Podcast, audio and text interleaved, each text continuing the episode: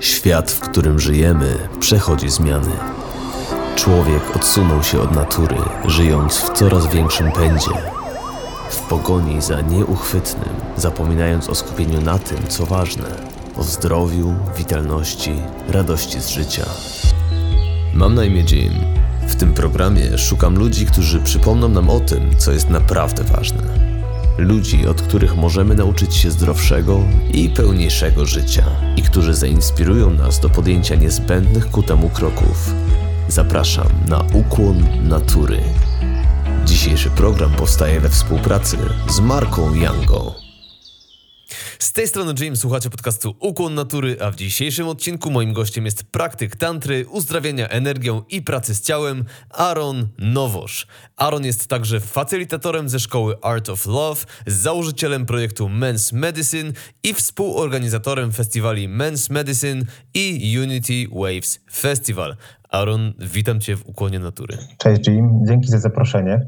Bardzo się cieszę, że przyjąłeś to zaproszenie. Wiesz co, od dawna przewija mi się w ogóle w przestrzeni słowo tantra i temat tantry, wokół której narosło zresztą wiele mitów, wyobrażeń i mam wrażenie takich no błędnych koncepcji. Dlatego jeśli pozwolisz, to dzisiaj skorzystam z Twojej wiedzy, z Twojej osoby i Twojego doświadczenia, no żeby rzucić na ten temat nieco więcej światła. Mhm. Mhm. Tak, tantra, tantra jest bardzo e, szerokim pojęciem i bardzo też kontrowersyjnym tematem.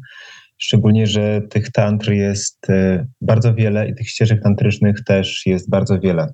Nawiążę do tego, o czym, e, co już gdzieś tam poruszyliśmy przed wywiadem a propos tantry. Ja sam jestem na etapie poszukiwania tego, co jest dla mnie dobre, dla mnie właściwe. I u nas tutaj w Polsce e, to, co mamy tak na wierzchu, ta, ta tantra, która najbardziej, tak mi się wydaje, e, do nas dociera, to jest coś, co się nazywa neotantrą, tak? I... Neotantra, czyli tak. coś jakby nowa tantra, tak? No, tak, nowa tantra i nowa tantra e, jest takim spin-offem, tak? Takim e, bardziej zachodnim podejściem do tych nauk tantrycznych, bazującym na naukach nauczyciela, który nazywa się Osho Rajanesh, on, on, został, on został określony jako mianem takiego też seks guru gdzieś tam w, w Ameryce, e, ponieważ e, to, co, to, co robił i, i czasy, w których działał też, e, no one zazębiły się z tą rewolucją seksualną. Mm-hmm. Więc jeśli gdzieś ta energia jest utknięta, tak, czy była utknięta, to właśnie była tam w seksie, na poziomie pierwszej, drugiej e, czakry, mówiąc, mówiąc czakrami. I to było jak taki wybuch, eksplozja i tak, kiedy coś jest uwięzione i w końcu staje się wolne, to jest tak jak ta woda, która przerywa tamę. Więc wokół jego społeczności narosło wiele mm, różnych historii o, o seksie i, i samo jego podejście też, właśnie połączenie tego, tego Buddy i, i Zorby. Greka Zorby. Tak, Greka, Greka Zorby, który, który cieszy się, bawi się życiem, e, jest w swoim, w swoim przepływie w radości, energii seksualnej również, plus do tego dokłada świadomość tego oświeconego Buddy. Myślę, że to jest ten imidż, który, który Osho próbował przekazać najbardziej. I na podstawie tego wyewoluowała ta dzisiejsza y, neo-tantra, ta nowa tantra. Okej, okay. dobrze, więc wejdźmy głębiej. Wejdźmy głębiej. W zależności od tego, co uznajemy za, za tantrę, tak, I, i do czego w ogóle ta tantra dąży, ponieważ mamy właśnie tą neotantrę, tantrę buddyjską, tantrę, tantrę hinduską, która się, one się razem zazębiają w pewnych y, elementach. Mamy tantrę kriya jogę, są różne, różne systemy i one wszystkie, one wszystkie do czegoś dążą. Dążą do oświecenia, czymkolwiek jest to oświecenie, bo wszyscy mamy różny koncept w umyśle, mówiąc sobie oświecenie i nam się może to kojarzyć z e, na przykład byciem świętym, bo mamy ten fundament chrześcijański tak, w, naszym, w naszym umyśle. I kim jest ta święta osoba, która nie pije alkoholu, nie pali papierosów, nie uprawia seksu przecież, tak? Żyje w czystości. Kompletna asceza. tak, tak, tak. E, czy tego e, świętego mistrza właśnie, który mieszka gdzieś tam na, na górze, w jaskini e, i tak dalej, i tak dalej. To jest wszystko gdzieś nasz koncept e, bycia. Natomiast tak jak to opisuje wiele tekstów, buddyjskich, hinduskich chodzi o to, żeby znaleźć ten punkt poza umysłem, żeby wyjść poza umysł, dotrzeć do swojej esencji, skontaktować się ze swoją duszą, nazwijmy to sobie, każdy ma na to inne słowo, czy to jest to Bóg, bogini, e, źródło wszechmiłości. Chodzi o to, o ten punkt w sobie, którym jest nasza prawda. Mamy różne ścieżki, różne narzędzia ku temu i neotantra w jakiś sposób łączy to podejście wschodnie z różnymi narzędziami zachodnimi. I tutaj są też z mojego, z mojej praktyki, z mojego doświadczenia też wynika, że e, te narzędzia również są zaczerpnięte z różnych terapii, z różnych terapii przez ciało, chociażby z, od Wilhelma Reicha, który, on był takim prekursorem w ogóle pracy z ciałem. On y, pisał takie książki też bardzo kontrowersyjne na ówczesne czasy, jak Funkcja orgazmu na początku XX wieku. On jest nauczycielem Aleksandra Lowena, który stworzył bioenergetykę y, lowenowską. To wszystko powstało na, na bazie Reicha i również masaże, tak? Y, to są jedne z masaży, które ja wykonuję też. To są masaże rozbrajania, the armoring, po angielsku, czyli ściągania zbroi z różnych segmentów e, ciała i również takie praktyki są, czy różne wariacje tych praktyk są właśnie w neotantrze. Jasne. Y, tylko wiesz co, nie jestem tutaj, tak jak mówisz, nie jestem do końca pewien, czy dobrze rozumiem. Neotantra to jest coś, w czym ty jesteś, tak? Co praktykujesz, co ty zgłębiasz, czy zgłębiałeś, czy może tobie jest bliżej do tej klasycznej, e, czy też rdzennej tantry?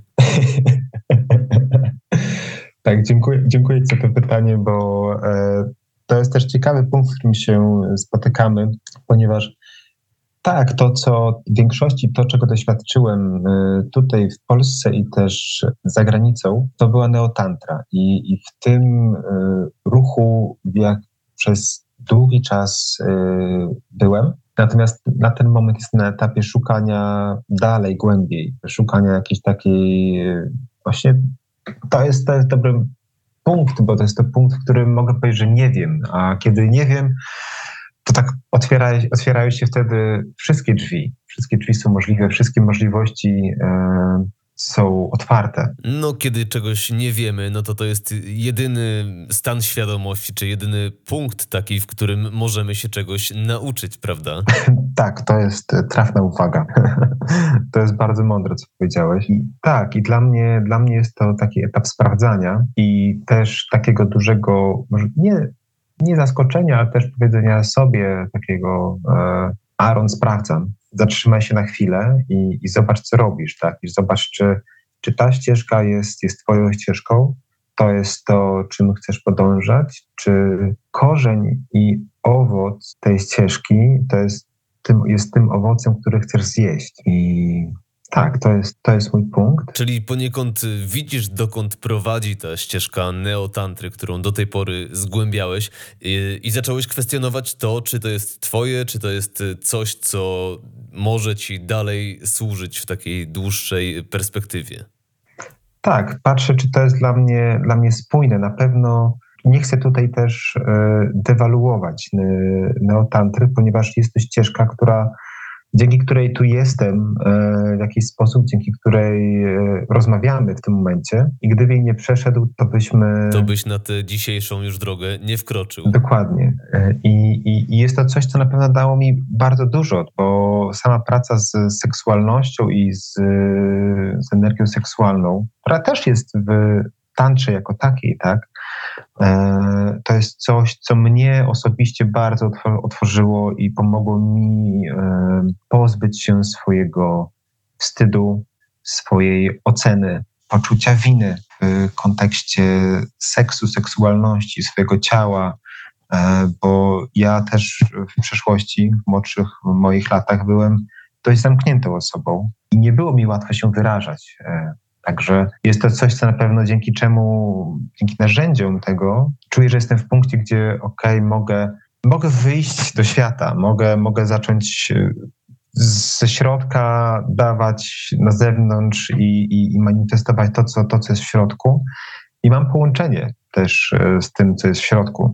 Więc na pewno nie chciałbym, nie chciałbym tutaj dewaluować tego. Mm, natomiast na ten moment, na ten moment znowu sprawdzam i, i dalej szukam i włączyłem takiego swojego e, detektywa, który, e, który znowu, znowu czyta, znowu poszukuje, znowu sprawdza, każdy zagląda pod każdy kamień obwąchuję, żeby tylko znowu sprawdzić, zobaczyć. Y, no taka gotowość i otwartość jest na pewno bardzo cenna chyba w każdym aspekcie życia. Y, a tak sobie teraz myślę, że no może nie do końca dobrze cię przedstawiłem, wiesz, jako praktyka tantry, y, natomiast no niewątpliwie ta ścieżka dużo w twoje życie wniosła i doprowadziła cię do tego obecnego punktu, w którym zacząłeś kwestionować swój dalszy kierunek. A skoro o kierunku mowa, no to chciałbym dać naszym słuchaczom możliwość poznania Cię lepiej, no bo na Twojej stronie internetowej przeczytałem, że od najmłodszych lat masz styczność z praktykami duchowymi, z pracą z energią czy z pozazmysłowym postrzeganiem rzeczywistości. No i jestem, wiesz co, naprawdę ciekaw tej Twojej drogi aż do tego dnia dzisiejszego, kiedy to redefiniujesz siebie i własne y, dalsze poszukiwania duchowe.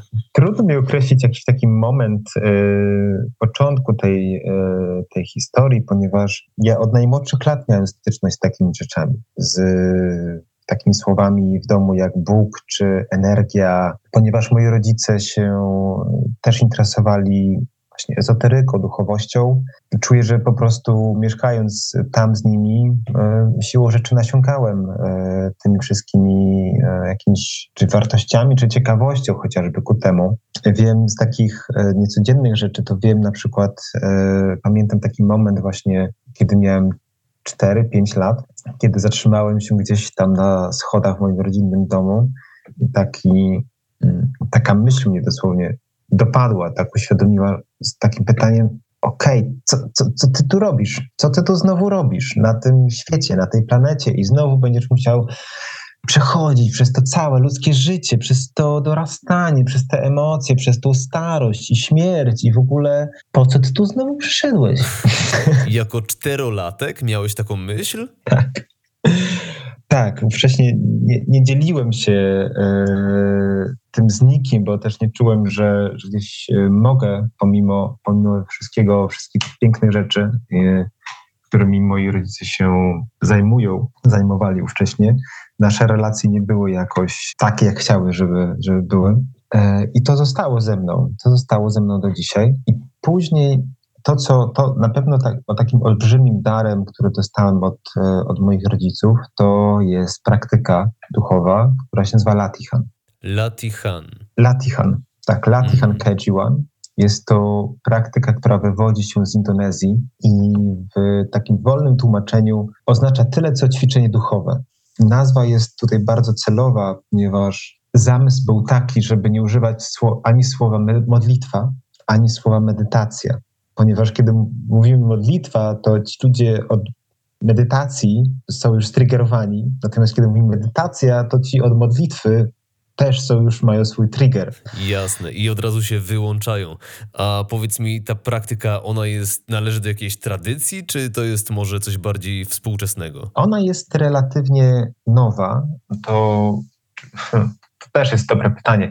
Jest relatywnie nowa, około lat 50 zeszłego wieku została odkryta, stworzona, ale też z, takim, z taką informacją też, że to nie jest nic nowego tutaj na tej, na tej ziemi, na tym świecie, że, że, że ten stan, tak, do którego lat, który Latihan próbuje w nas wzbudzić, indukować, to jest ten stan połączenia z, z Bogiem, tak, z naturą, z czymkolwiek uważamy, że ten Bóg jest. E, i odwołuje się też do wcześniejszych ścieżek, czy to do właśnie do, do chrześcijaństwa, czy tego, co było wcześniej, ale po to, żeby człowiek mógł odnaleźć swoją drogę do, z powrotem do, do Boga, do źródła. Mhm. Czyli tę technikę, tę praktykę y, przekazali ci rodzice? Oni mi jej nie przekazali. Ja jej doświadczyłem dopiero wtedy, kiedy miałem lat chyba 16. Bo trzeba też mieć swój wiek, żeby tego, e, tego doświadczyć, być przynajmniej pełnoletnim albo bliżej. Natomiast będąc, będąc w tym otoczeniu jako dziecko, ja teraz mogę z perspektywy czasu powiedzieć, że wiem, że to chłonąłem, tak, że to było dla mnie bardzo naturalne, bardzo proste i że to jest gdzieś tam moja praktyka obecnie, do której się skłaniam, do której, do której wracam. Natomiast moja ścieżka też y, była taka, że właśnie podczas tej praktyki poczułem, był taki moment, że poczułem, że jakaś energia, jakieś mrowienie przechodzi mi przez ręce, przechodzi mi przez, przez, przez ciało, to wszystko było bardzo żywe. E, zacząłem się pytać w, myślach, czym to jest, co to robi, co, co, czy, czy, czy, czy mogę się tym dzielić, tak? I dostawałem odpowiedzi, że tak, to jest ta uzdrawiająca energia, możesz się tym dzielić, ona, ona po to jest. I zacząłem szukać różnych, różnych ścieżek. To było e, dość w takim wczesnym mm, etapie mojego życia i zacząłem to testować. Zacząłem testować właśnie, czy ja mogę tym coś zrobić, czy mogę komuś pomóc. I po paru takich testach, kiedy to faktycznie działało, uznałem, że to jest, tak, no, to jest coś, czemu, czemu, czemu zupełnie nie mogę zaprzeczyć, chociaż wtedy moje ówczesne życie i, i, i, studia wciągnęło mnie zdecydowanie bardziej i dałem takiego, takiego nura właśnie w, w szkołę, pracę i dopiero dobrych, dobrych parę lat później, chyba kiedy miałem 27 lat, poszedłem na kurs właśnie pracy z energią, kurs e, takiej ścieżki, która nazywa się Reiki. To jest e, japoński system i tutaj też to mówi się, że to japoński system uzdrawiania, natomiast ci, którzy, ci, którzy są w tym systemie, e, oni wiedzą, że tak naprawdę ten system też został stworzony przez mistrza Mikao Usui, żeby osiągnąć oświecenie. Ciekawe, no bo też o reiki słyszałem jedynie w kontekście uzdrawiania. Tak, reiki zostało stworzone i czy, czy odkryte, bo y, Usui też mówi, że że Reiki nie jest nowe, że ta energia zawsze była, tylko teraz przeze mnie ona może się znowu tutaj zamanifestować i możemy się z nią połączyć. I taki to jest, to jest kolejny, kolejny jakiś nauczyciel na mojej drodze, który mówi dokładnie to samo. Tak? Ta energia zawsze była, mamy to połączenie, musimy je odkryć na nowo i to jest tutaj nasza, nasza praca, nasza misja. Natomiast historia Usuiego była taka, że on on odkrył sobie te, te umiejętności uzdrawiania i zaczął po prostu leczyć, uzdrawiać i dzięki temu, dzięki tym uzdrowieniom ludzie zaczęli przychodzić do niego i interesować się jego ścieżką i w ten sposób zaczęły szerzyć i błędnym pojęciem jest to, że ona służy tylko i wyłącznie do uzdrawiania energią. Natomiast jest to też tam możliwe jest to skuteczne przede wszystkim. E, to jest, te, to jest to, co jest dla mnie najciekawsze, bo to ten skutek, ten efekt się liczy. Mhm. A co masz na myśli mówiąc, że jest to skuteczne? Co możesz tak naprawdę zdziałać taką e, pracą z energią, jaką jest Reiki? Bo uzdrawianie energią, no to jest chyba coś dużo bardziej e, subtelnego niż chociażby leczenie fizyczne przez takiego zachodniego chirurga, prawda? Jasne, jasne. I to też należy sobie rozdzielić, że leczenie energią to nie jest operacja. Tak? Jeśli ktoś ma złamaną nogę, to nie idzie do bioenergoterapeuty, tylko idzie do lekarza, do chirurga, który mu tą nogę nastawi. Natomiast to, co się dzieje w tych, yy, tych subtelnych poziomach, to jest to, że wiele chorób, tak, wiele schorzeń, wiele zdarzeń też zaczyna się jeszcze przed tym, y, pojawia się już w ciele energetycznym, zanim się pojawią w ciele fizycznym. I możemy je wykryć, możemy je zbadać i możemy je też usunąć, bo w zależności od, od schorzenia, bo niektóre schorzenia budują, budują się latami i zanim z tego na przykład wyniknie, no nie wiem, teraz, teraz jest yy, chorobę cywilizacyjną, którą jest rak, e, zanim z tego wyniknie rak, to musi się zdarzyć w organizmie dużo więcej innych rzeczy, żeby to miało miejsce. I często są to lata. Niektóre schorzenia zajmują zazwyczaj pół roku wcześniej się już dzieją u nas w środku. Coś się musiało wydarzyć pół roku wcześniej, czyli na przykład, jeśli nie jest taka doraźna rzecz typu wyszedłem, wyszedłem na dwór, przewiał mnie wiatr, tak, i na drugi dzień mam chrypkę, ale jeśli jest to, jest to coś troszeczkę poważniejszego, można sobie zadać pytanie, co się wydarzyło pół roku wcześniej. I bardzo często jest tam jakieś zdarzenie, którego ten ładunek emocjonalny, ładunek energetyczny w jakiś sposób nas uderzył.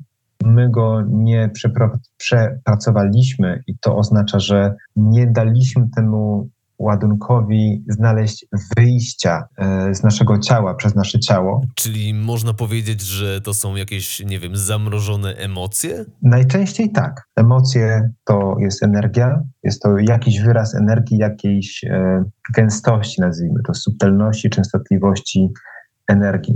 I bardzo często jest właśnie tam jakiś ukryty ładunek, który jeśli damy sobie poczuć, przepuścić, zostaje uwolniony i nasza, nasze ciało, tak, nasza dusza wraca do tego dobrostanu, który jest dla niej naturalny.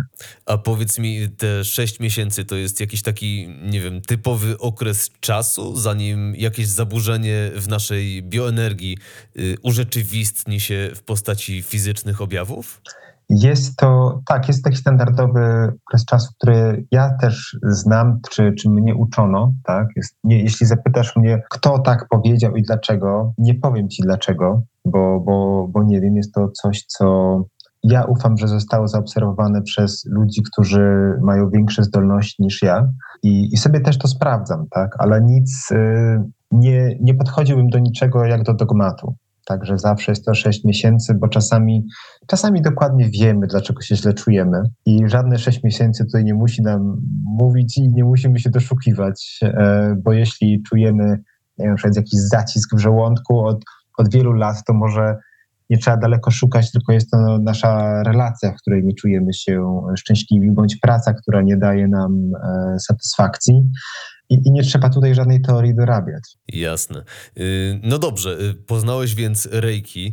Y, powiedz mi, od razu zacząłeś pracować z ludźmi, dzieląc się tym przepływem energii, który odkryłeś? Zacząłem sobie praktykować. Wtedy to akurat było, kiedy pojechałem na prawie rok do, do Anglii. Tam poznałem taką kobietę, z którą razem praktykowaliśmy i ona też mnie zaprosiła właśnie tutaj odpowiadając też po drodze na twoje pytanie odnośnie czucia pozazmysłowego. Takie zajęcia, i tu, może to zabrzmi kontrowersyjnie, ale w Anglii jest tak, taka, taka formacja, czy taki związek wyznaniowy, który nazywa się Kościołem Spirytystycznym. Chodziliśmy na zajęcia do takiej pani, do Melanii, która jest medium i kontaktuje się z różnymi e, duszami, które już odeszły, e, co dla mnie na początku też było bardzo ciekawe, niezrozumiałe. Rzeczywiście brzmi to kontrowersyjnie. Tak, zupełnie niezrozumiałe, dopóty, dopóki tego nie zobaczyłem. A ponieważ ja jestem z reguły cieka ciekawskim człowiekiem, lubię wiedzieć, e, lubię to badać, to nie zajęło mi to dwóch sekund, żeby powiedzieć, że okej, okay, idziemy. Jasne. Słyszysz o takiej Chcę opcji, jest możliwość spotkania się z medium i jazda, idziemy. Chcę to zobaczyć po prostu. Chcę zobaczyć, co, co, e, co ta kobieta ma do zaoferowania, co ona robi i, i, i zobaczyć, czy to jest prawda. Mhm. I pamiętam z tych zajęć właśnie, to były moje pierwsze zajęcia, kiedy posadziła nas w takich dwóch kręgach które patrzyły na siebie, tak, w tych dwóch kręgach. No, po prostu patrzyliśmy na siebie, zewnętrzny krąg patrzył na wewnętrznym. I naszym zadaniem było powiedzieć coś o tej osobie. Ja nie miałem pojęcia, co, co mam mówić.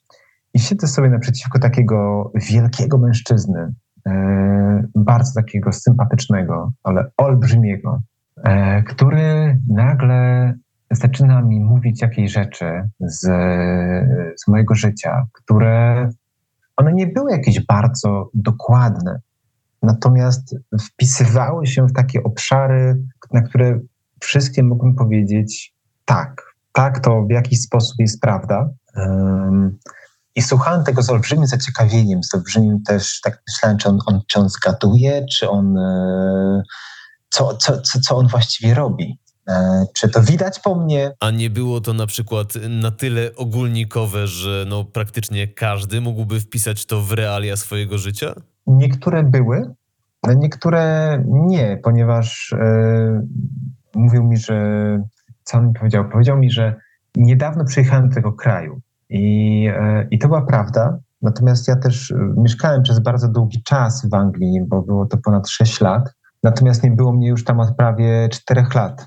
E, pojechałem, pojechałem z powrotem po czterech latach, więc byłem stosunkowo od paru, niedawno, bo od paru miesięcy. Mówił mi, jakie rzeczy lubię robić, tak, że lubię grać na gitarze, lubię robić coś tam. I, i, i to były takie rzeczy, które może po długim, po długowłosym człowieku e, można po prostu się domyślić tego, tak? E, a może być też zupełnie inaczej. Więc postawiłem nad tym olbrzymi znak zapytania. I myślę sobie, no dobra, ha, ha, ha, hi, hi, hi. A, ale potem mieliśmy zmianę. I to ja miałem o nim coś powiedzieć. I pamiętam właśnie, że wpatruję się w tego człowieka i zastanawiam się, Boże, co ja mu w ogóle powiem?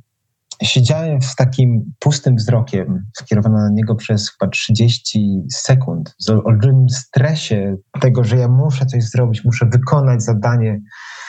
I dopiero kiedy zamknąłem oczy, spróbowałem się rozluźnić. Coś we mnie, coś we mnie się rozluźniło i poczułem takie mrowienie w moich rękach, tak jakby przy nadgarstku, jakby ktoś mi coś tam drapał mnie, skrobał i nie rozumiałem, co chodzi. Pokazuję mu te nadgarstki, otwieram dłonie w jego stronę i mówię mu, że czuję coś tutaj na nadgarstku. A on otwiera swoje nadgarstki, a na jego nadgarstkach są blizny. I mówi mi, tak, bo wiesz co, parę tygodni temu miałem zabieg na cieśnie. Wow.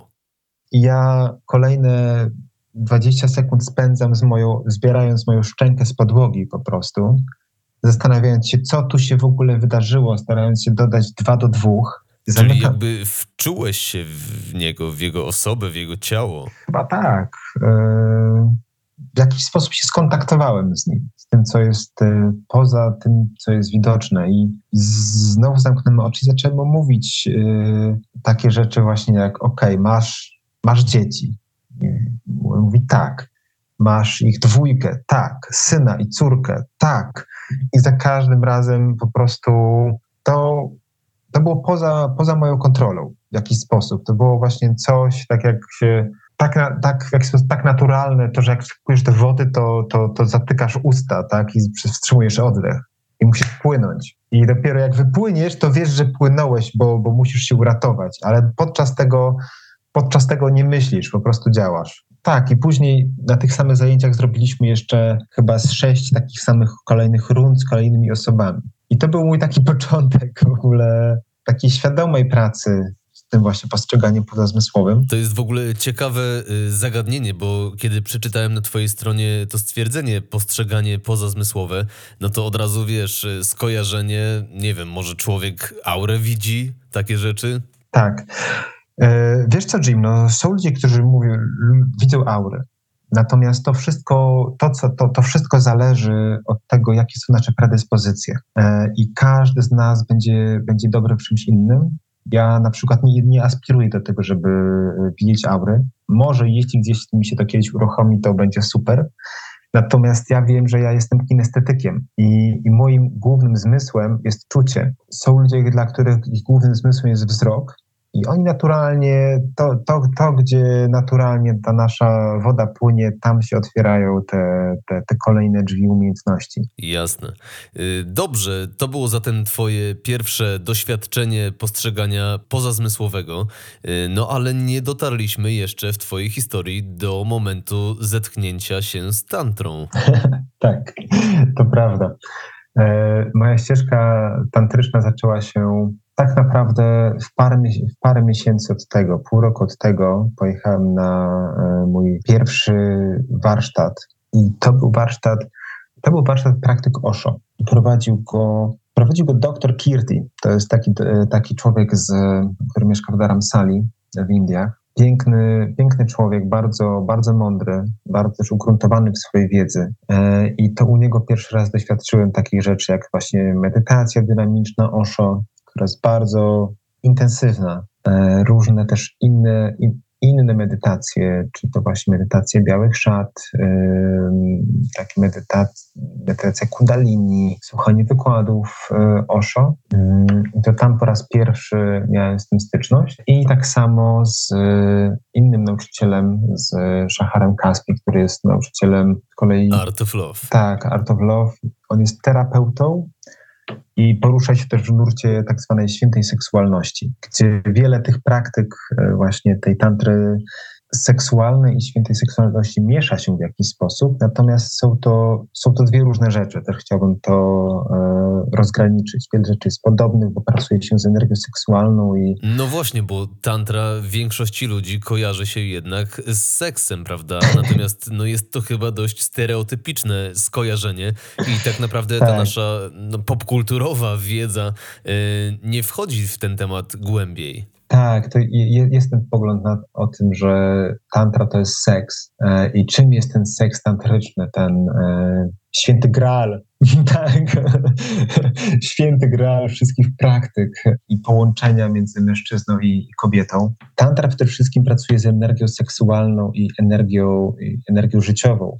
Tak? E, energia życiowa na pewnym etapie jest energią seksualną, tak kiedy wchodzi w nasze ciało, tak jak to jest przedstawione na różnych ikonografikach, gdy wchodzi od dołu w nasze ciało, jest wtedy na poziomie seksu. I żeby mogła pójść dalej, ten, ten seks, ta seks, nasza seksualność, tak, to też jest pytanie, czym jest w ogóle seksualność, ale to może przejdziemy do tego odrobinkę później zostanie zaakceptowany, dopiero ta energia może pójść dalej, może się urodzić nasza kreacja, tak? bo z seksu powstaje, jest zapłodnienie, tak? jest wtedy ciąża, jest kreacja i jakikolwiek, jakąkolwiek tą kreację będziemy w sobie nosić, niezależnie od płci, to jest to, co urodzimy. I czy to będzie dziecko, czy to będzie projekt, tak? czy to będzie jakaś pasja, to wszystko, to wszystko jest tutaj. Bardzo fajne jest tutaj odniesienie do angielskiego słowa conception, prawda? Czyli poczęcie, tak. ale conception to jest też koncepcja, czyli Faktycznie. coś nowego. Innymi słowy, no jakiś jeszcze niespełniony potencjał. Tak, tak, całkowicie się e, podpisuję pod tym. E, więc na pewnym, na pewnym etapie, tak, tantra jest seksem, ponieważ przechodzimy przez tą seksualność i tą seksualność też potrzebujemy zaakceptować w sobie i uwolnić. Ponieważ jeśli tego nie zrobimy, to dla mnie jest to trochę jak oszukiwanie samego siebie, że nie lubię czegoś, tak, pomimo, że to lubię. Wypieram tą swoją seksualność, to na przykład, że seks jest fajny, lubię seks. Jasne, a to w ogóle jest pewnego rodzaju no takie kulturowo ugruntowane tabu, prawda? E, raz, że szczególnie w naszym rejonie, gdzie tradycje religijne przez bardzo długi czas demonizowały seksualność, no a dwa, że kiedyś e, po prostu nie wypadało mówić o pewnych sprawach i chyba wciąż nie do końca jesteśmy nauczeni o nich rozmawiać. Dokładnie tak. Seks, e, no przez właśnie nasze korzenie kulturowe, no jest zdemonizowany, jest, jest, jest jako coś e, niewłaściwego, coś, czego należy się wstydzić, coś, co jest pełne grzechu, wyuzdane, niewłaściwe. I nawet jeśli wydaje nam się, że, że tego nie mamy, tak, to bardzo często jest to gdzieś, głębo, gdzieś głęboko w podświadomości, jest to zakodowane, zakorzenione musielibyśmy być całkowicie od tego wolni, tak? Wychować się gdzie indziej, żeby, żeby tego nie mieć. Nie znam, nie znam chyba osoby z, z mojego pokolenia, która by tego nie miała. Jakiegoś, gdzieś jakiejś naleciałości odnośnie seksu, który czynią, czyniącą go czymś, e, czymś niewłaściwym. Także dopiero, dopiero po zaakceptowaniu swojego właśnie seksu, swojej seksualności i, i co za tym idzie też przyjemności, która z tego płynie, tak, bo to też jest piękna nauka tantry, że tantra jest o przyjemności przede wszystkim i podążanie za tą przyjemnością. Nie jest to hedonizm. Nie chodzi tutaj o taką hedonistyczną przyjemność, żeby. No właśnie, a hedonizm jest tutaj jakby pierwszym, co przychodzi mi do głowy, kiedy mówisz o podążaniu za przyjemnością. Tak, tak, hedonizm. I to też jest, i to, też jest to, gdzie się blokujemy. Nie? Ile, na ile przyjemności jestem sobie w stanie pozwolić, ile przyjemności jestem w stanie przyjąć i, i jeśli w stanie jestem to przyjąć, tak, to, to w myśl tego, że to, co jest we mnie, w środku również będzie manifestować się na zewnątrz, tak, e, to również będę dawać innym. Akceptacja tej przyjemności jest bardzo ważna, ponieważ my właśnie ze względu na ten nasz rys e, kulturowy i to, co po prostu to, to, co zostaliśmy, to, czego zostaliśmy nauczeni w kościołach, czy przez właśnie e, chrześcijaństwo, to jest w jakiś sposób, ja to widzę jako często celebrację cierpienia, celebrację bólu i umartwiania się. I dla mnie to jest coś, czego nie chciałbym robić. Ja nie chcę, nie, nie chcę tego w swoim życiu. Jeśli mam już coś celebrować, to wolę, żeby to była przyjemność. Jeśli jakiś krzyż już mam nieść, to wolę, żeby to było przyjemne. Jasne. Y, czyli to, co tantra wniosła w twoje życie, to właśnie to otwarcie, tak? Na przyjemność, na seksualność, otwarcie tak naprawdę na to, co już było w tej twojej ludzkiej naturze. Z tego początkowo tak.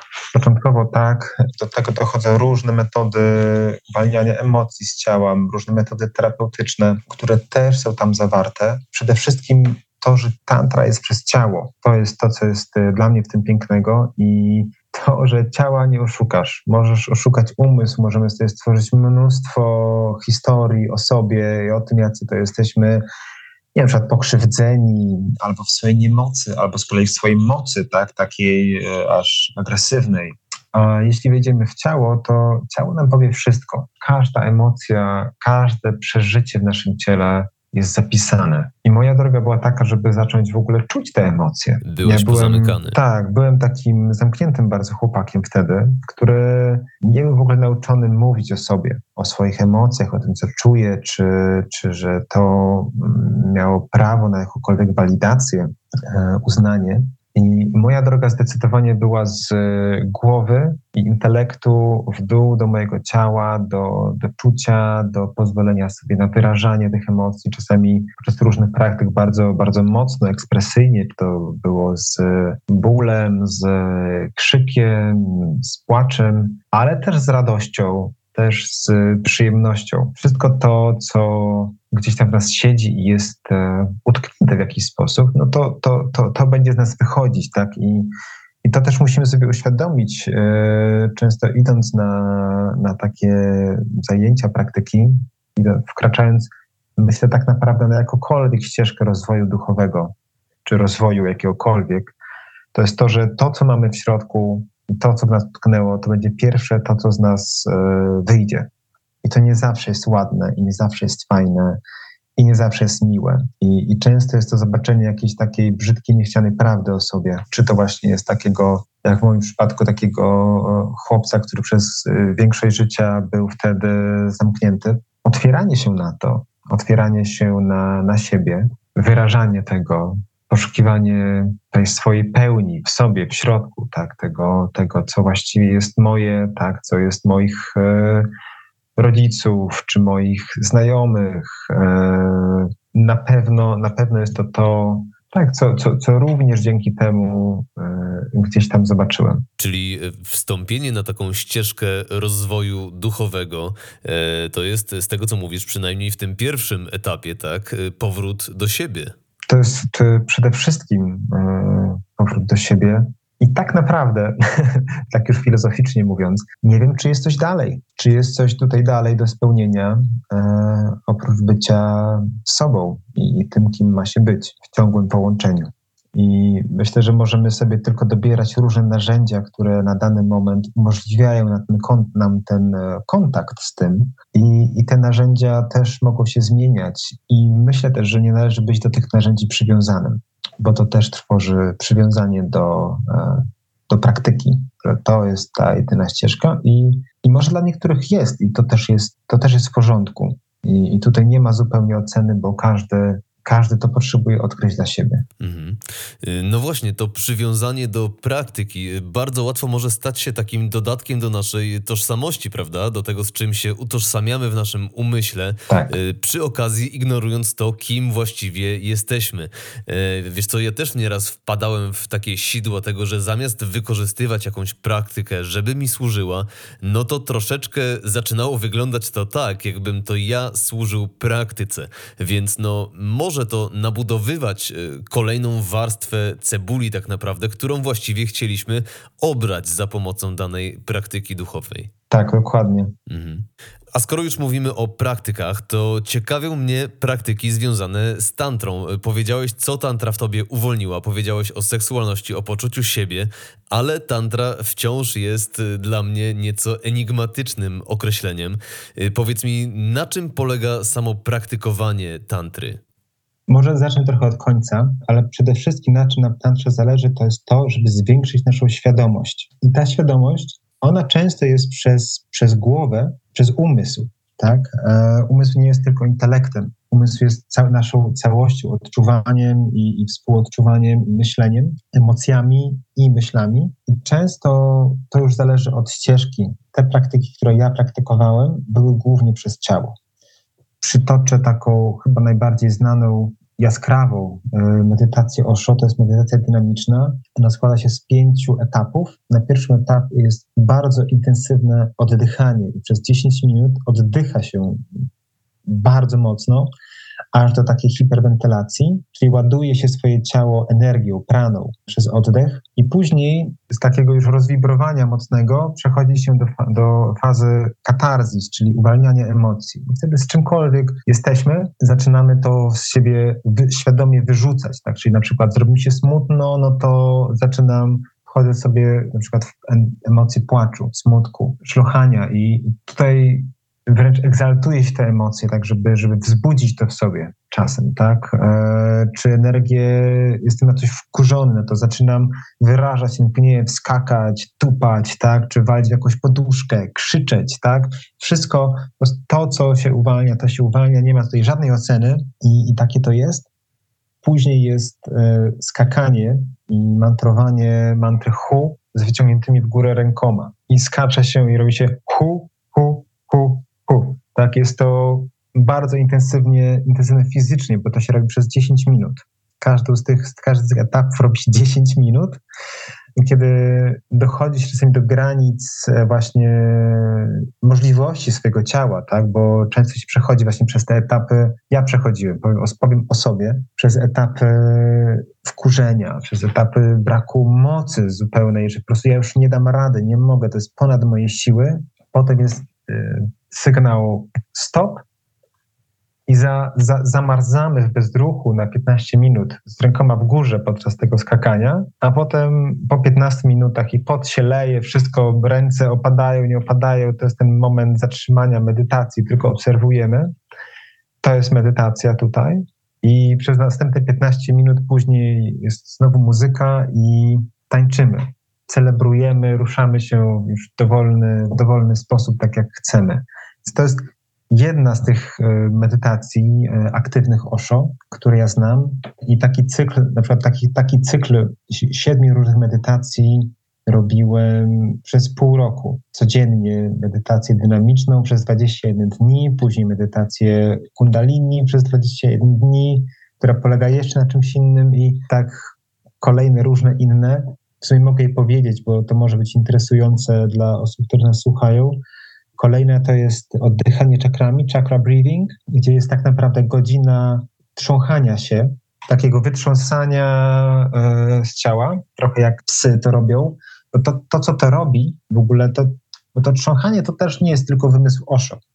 To jest też w różnych innych e, szkołach tantry. I to, co robi trząchanie, i, i też w zachodniej terapii ciałem, e, takiej rajchowskiej, to jest to, że kiedy mamy w sobie strach, tak, e, sytuację stresową, mamy, pojawia się w ciele adrenalina, to na przykład to, co robią psy, kiedy to się podchodzą, wiesz, tam nawarczą na siebie i tam, wiesz, odchodzą, to one się wtedy wytrząchają, nie? I ten pies tak się wytelepie, nastroszy włosy i to widać, że okej, okay, zszedł z niego stres. A my tego nie robimy. My ten stres gromadzimy w ciele i idziemy dalej. I on w nas w pewnym momencie zastyga i to nasze ciało robi się sztywne, twarde, takie nie, niemiłe, nie? Jest, jest nam niemiło w środku. I to, co to trząchanie robi, to jest e, uwalnianie tego, tego stresu, puszczanie kontroli. Także jest to, jest to, jest to bardzo mocne, pomimo że dość subtelne. Mocne, ale subtelne. No wydawałoby się tak. przeciwieństwo. Tak. I, I każdy praktyk e, też e, bioenergetyki leonowskiej potwierdzi to, co mówię. Po prostu jest to, jest to też tak powiem, udokumentowana metoda z tych e, metod zachodnich. Kolejną medytacją była medytacja Atisha, gdzie też, też to jest taka medytacja siedziana, gdzie przyjmuje się ból do swojego serca, swój własny ból, jest się ze swoim bólem, bo często nasze mechanizmy obronne, nasze mechanizmy obronne w ogóle generują się przez często brak umiejętności przyjęcia tego bólu. O, wywróciłeś się? A, to nic nie stało, biegnij dalej. Czyli pomiń swój ból, zaneguj to, co czujesz, odetnij się od tego, idź dalej w działanie. Mężczyzna, szczególnie do mężczyzn, nie? ale to do kobiet tak samo.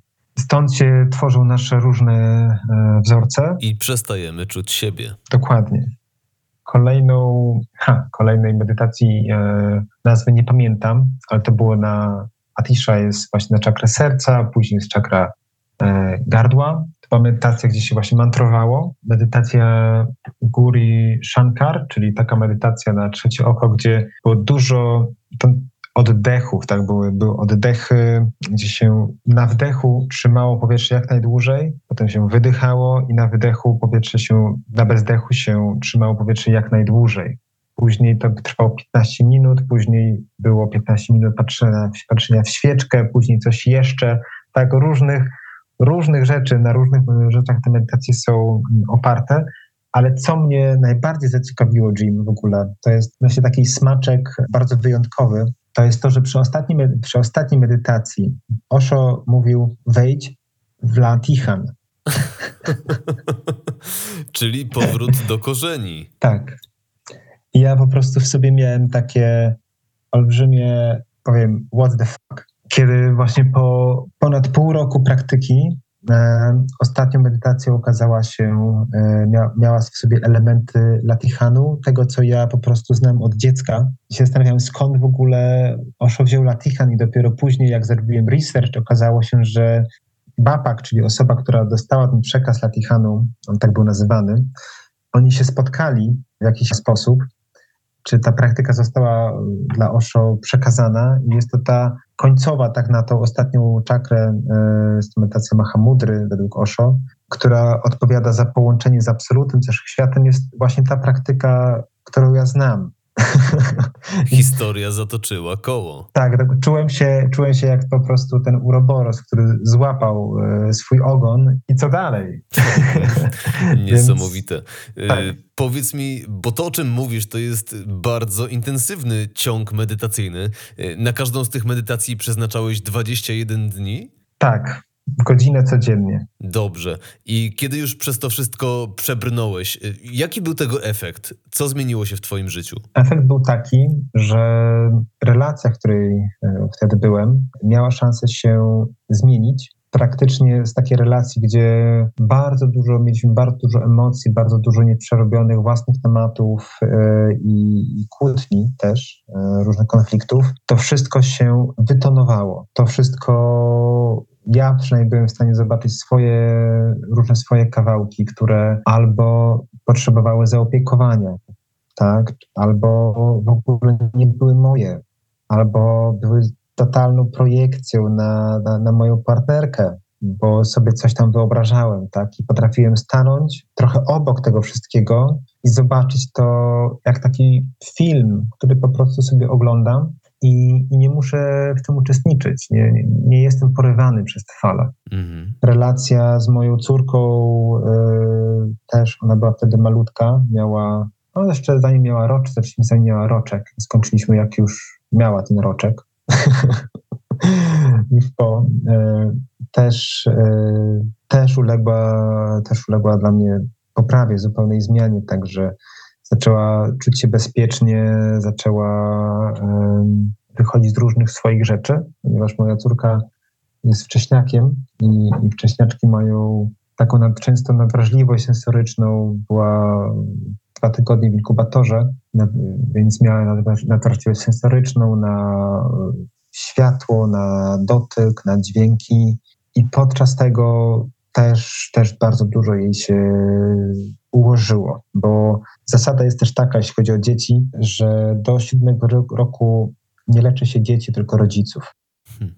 Co to znaczy? Ponieważ to wszystko, co gdzieś tam dziecko ma, czy te, te rzeczy, z którymi się rodzi, to najczęściej tak z jakimiś historiami, które to my jako rodzice przekazujemy naszym dzieciom, to my w sobie mamy jakiś konflikt, a dziecko bierze to na siebie, ponieważ, ach, no ponieważ dzieci są kochane, są czyste i, i uważają, że wszystko należy do nich, tak? E, chcą w jakiś sposób nam pomóc i się nami zaopiekować i biorą na siebie te wszystkie rzeczy. Stąd powstają, powstają właśnie takie rzeczy jak karma rodowa.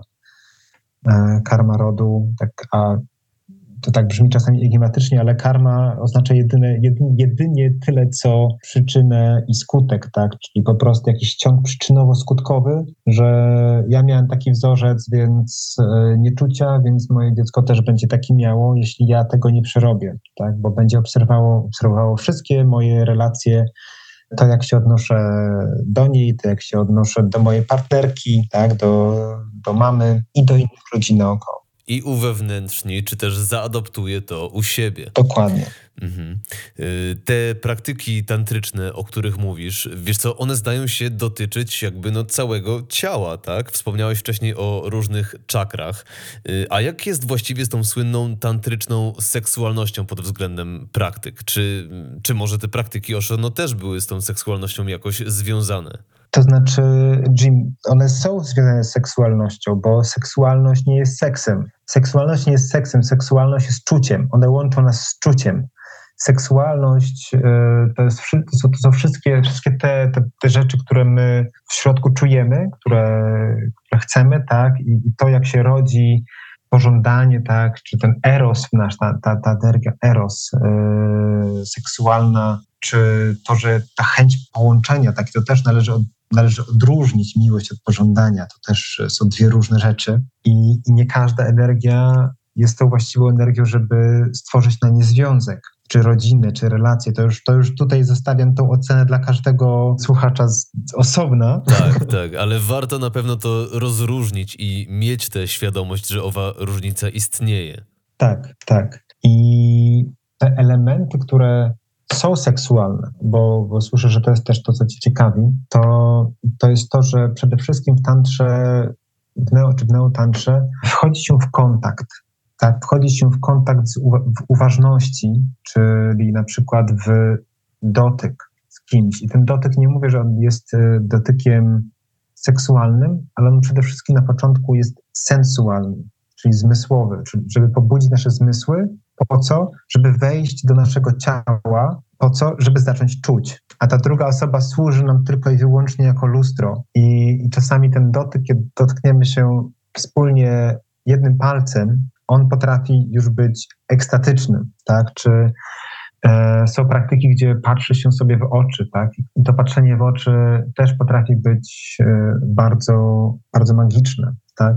Idąc dalej, tak? Bo to są, to, są, to są te rzeczy, od których się gdzieś tam zaczyna, tak? Ale w tych rzeczach bardziej zaawansowanych, kiedy już jesteśmy w ciele, tak? No bo nie może uprawiać, znaczy może uprawiać seks osoba, która nie ma w ciele, ale wtedy dwa ciała uprawiają seks i się wzajemnie sobą masturbują i to ma, no niewiele ma to wspólnego z takim połączeniem partnerskim, o którym myślę wielu, wielu z nas marzy tak naprawdę, bo to jest to jest piękne, tylko tak, to co, to, co jest dalej, to jest to, że przez, właśnie, właśnie przez seksualność, przez również przez nasze organy płciowe, genitalia, przez penisa, przez waginę, ponieważ one są tak wrażli, wrażliwe na dotyk, tak? To jest to, że jeśli dotykamy, czy ktoś dotyka naszych genitaliów, potrafimy, nasz umysł potrafi całkowicie się wyłączyć całkowicie się poddać, tak? Czy jest to w zbliżeniu, czy jest to przy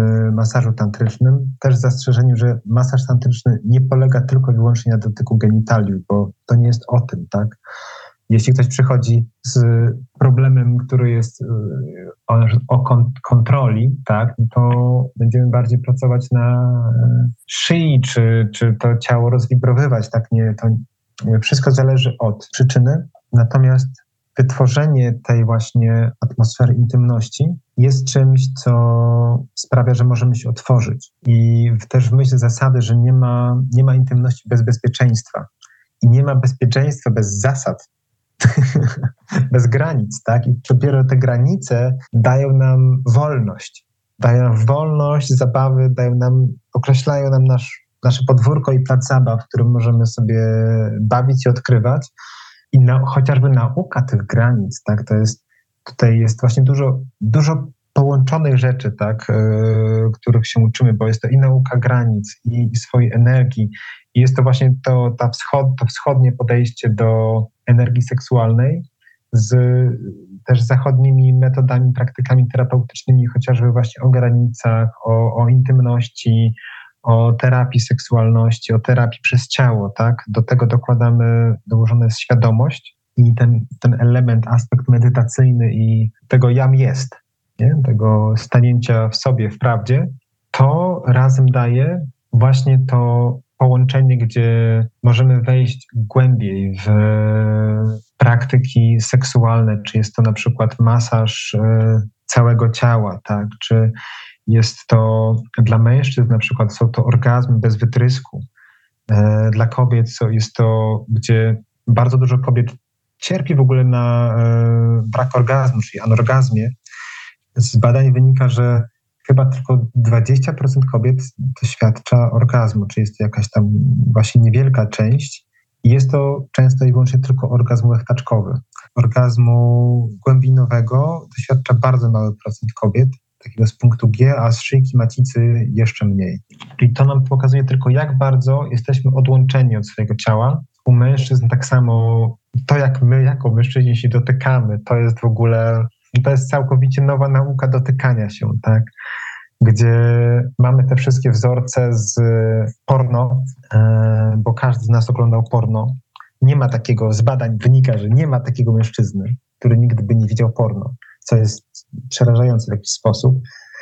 Ale my się na tym porno wychowujemy i się uczymy, że to jest seks, nie? że to w ogóle ta, to, tak powinno wyglądać. A ja wiem po sobie, że ja na nowo musiałem samemu odkryć, jakie to w ogóle jest dla mnie. Czym dla mnie jest miłosne zbliżenie i, i być właśnie w tej niewiedzy, tak? Wejść w tego, nie tego mędrca, tego, który wszystko wie i już posiada wszystkie rozumy, tylko w tego głupca właśnie, który nie wie nic zupełnie i jest ciekaw każdej chwili nowej ze sobą, czy to ze sobą, czy z partnerką i, i zobaczenie, co, co jest dalej, kiedy nie mam z góry założonego planu, że to nie będzie trwało 10 minut i po sprawie. I super, koniec. Job done. I na drugi boczek. No, ale tak to, tak to wygląda, że jest to, te, te nasze zbliżenia seksualne, one są po prostu wspólnym wyżyciem się i rozładowaniem energii. I to jest ta nauka chociażby tak, w takich e, warsztatach, w których uczestniczyłem, takich e, bardziej już, no bardzo zaawansowanych rzeczach, tak? Były momenty, gdzie uczyliśmy się na nowo dotykać siebie samego, tak? I, i były momenty, gdzie leżeliśmy sobie y, przez jakiś czas, tak? Każdy, każdy osobno, tak? Ale dotykając swojego ciała, ręki, twarzy na nowo, tak? Jak to jest po prostu być ze swoim ciałem, jak to, jak to jest odczuwać ten dotyk, i bardzo niewielu z nas w ogóle się dotyka, tak? Czy, czy dla niektórych seksualność czy seks jest tylko i wyłącznie dotykiem genitaliów i to jest wszystko, a tak naprawdę cała nasza skóra jest organem i, cała nasza skóra odczuwa. I pobudzenie krążenia tak e, krwi, energii w całym ciele jest kluczowym do tego, żeby na przykład dla mężczyzny móc doświadczyć energii, móc doświadczyć orgazmu bez wytrysku tak, bo według nauk e, tantrycznych i zresztą taoistycznych też, podczas wytrysku mężczyzna traci swoją energię wraz z nasieniem. I cyrkulacja e, nasienia pomaga w tym, żeby zachować tą energię i karmić się nią w ogóle. I też można dzięki temu doświadczyć różnych innych stanów, stanów świadomości. Tak? Tutaj są elementy, bo mówię dużo neotantrzy, natomiast też są elementy z tego, co praktykuje tantra kri yogi, to się nazywa pranayama, czyli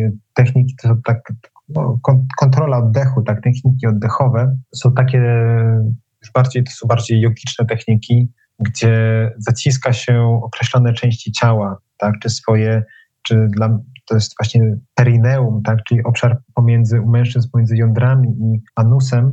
Tworzymy sobie wtedy zamykamy ten kanał energetyczny i razem z oddechem, oddychając dość szybko, intensywnie, pobudzamy energię w ciele i jesteśmy w stanie ją kierować do góry, czyli zabrać ją z genitaliów, czyli odłożyć sobie ten e, orgazm w czasie, wytrysk w czasie, tak? I tą energię przetransferować do góry, tak, przez czubek głowy do, do połączenia z absolutem. Są to bardzo potężne, bardzo mocne praktyki, ja pamiętam, kiedy pierwszy raz e, zetknąłem się z nimi i ćwiczyliśmy bardzo intensywnie przez e, taki intensywny retreat, 5-6 dni, e, to pamiętam trzeciego dnia robiliśmy to na stojąco. Ja wtedy ćwiczyłem z, też właśnie z, z partnerem. Całe szczęście on mnie trzymał, bo straciłem całkowicie świadomość na stojąco i wyszedłem z ciała. Zobaczyłem cały ośrodek po prostu z lotu ptaka i wiedziałem, ok, to jest, jestem tutaj. Widzę ośrodek, ośrodek nazywa się tu i teraz. Yy, taki głos mi mówi tu i teraz. Nowe kawkowo. I z powrotem do ciała i się gdzieś tam znowu budzę, otwieram oczy, patrzę, wow.